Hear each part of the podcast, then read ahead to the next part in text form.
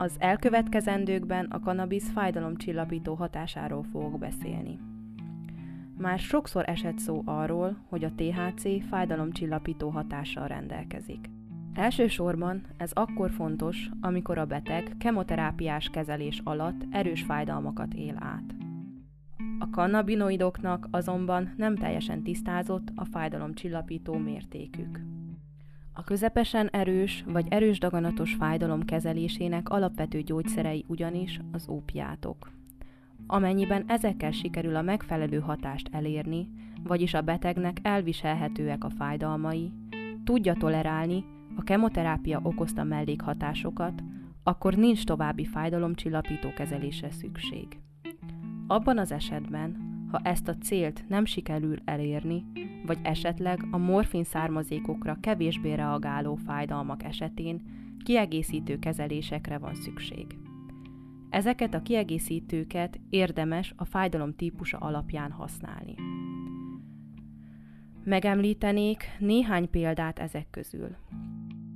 Például gyulladásos fájdalom esetén glükokortikoidokat alkalmaznak, csontfájdalmak esetén nem szteroid gyulladásgátlókat, neuropátiás fájdalmak esetén antidepresszánsok, illetve antiepileptikumokat. A daganatos fájdalom kiegészítő kezeléseként abban az esetben, ha az ópiátok nem elegek, az úgynevezett nabiximol készítményt alkalmazzák, ami egy THC és CBD hatóanyagú készítmény. Ez a készítmény már 20 országban elérhető, többek között az Egyesült Királyságban, Spanyolországban, Csehországban, illetve Kanadában. Más országokban a kanabisz növény használata az elterjedt, daganatos fájdalmakban, de megosztó eredményei miatt nincs általánosan elfogadva. Vizsgálatokban a kannabinoidok gyógyszerformában vagy THC tartalmú cigaretta formában hatékonyabbnak bizonyult a placebónál olyan betegek esetén, akiknek betegségük már előre haladott volt. Az ellentmondó eredmények hátterében az állt, hogy a kutatások során a kannabinoidokat változatos formában és dózisban kapták meg a betegek. A daganatos tünetek enyhítésére sok beteg által használt CBD olaj, mint étrendkiegészítő kapcsán még nem jutottak evidens eredményekre.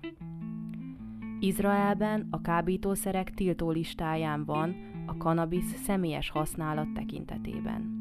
A betegeket azonban lehet orvosi kanabisszal kezelni, de az egészségügyi minisztérium jóváhagyása szükséges hozzá. Az elmúlt években drasztikusan növekedett az orvosi kanabisz felhasználásának aránya és az erre adott engedélyek száma. Az engedélyek több mint felét krónikus fájdalom esetén hagyták jóvá. Egy kvalitatív izraeli kutatásban 19 beteggel készítettek mély interjút. A kutatást 2016-ban kezdték, és körülbelül másfél évig tartott. A vizsgálatot vezető szakemberek között volt egy szerző és volt két asszisztens, akik nagy tapasztalattal rendelkeztek kvalitatív interjú készítésében. Magát az interjút az alanyokkal a saját otthonukban, munkahelyükön esetleg kávézóban vették fel, ezáltal egy kötetlen körülményt biztosítva az alanyoknak. Az elhangzott bevallásokat hangfelvételen rögzítették, majd szóról szóra leírták. A kérdés arra irányult, hogy az alany mondja el, hogy mit tud az általa orvosi célra használt kanabiszterápiáról.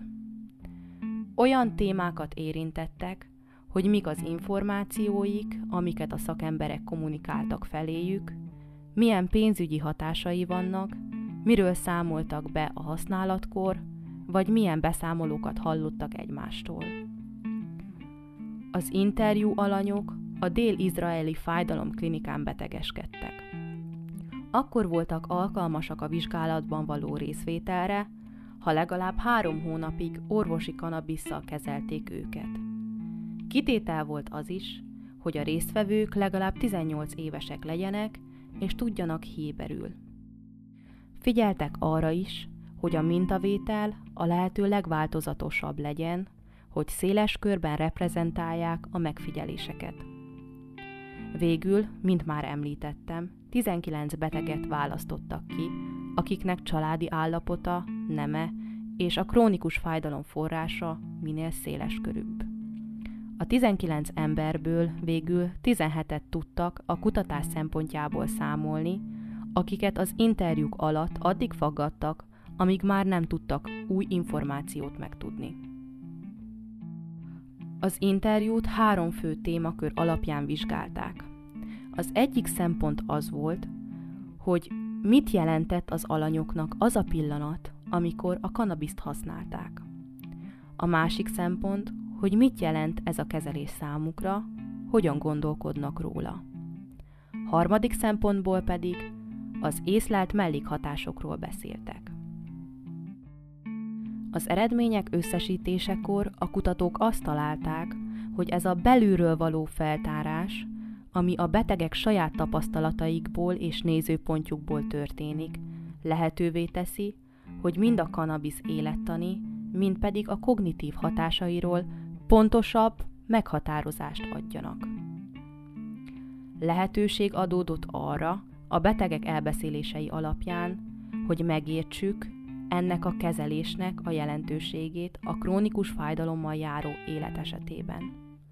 A krónikus fájdalom ugyanis az egész életet meghatározó hatás, amely mind a személy, mind pedig a családtagok életére rányomja a bélyegét.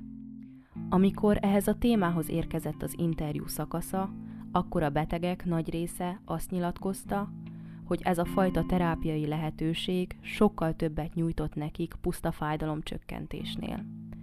Arról vallottak, hogy a krónikus betegség alatt elveszített én érzést és önazonosságot kicsit visszanyerték. Az önkontroll kordában tartható volt. Három fontos fizikai tünetről számoltak be, ilyen például a relaxáció könnyebbsége, jobb funkció és alvás, valamint csökkent gyógyszer mellékhatások.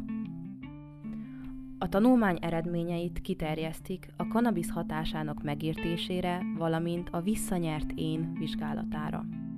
Ez a fogalom egy testi szubjektivitás azt jelzi, hogy az elveszett önérzet visszatért, és az ember valamiképp irányítani tudja a saját életét.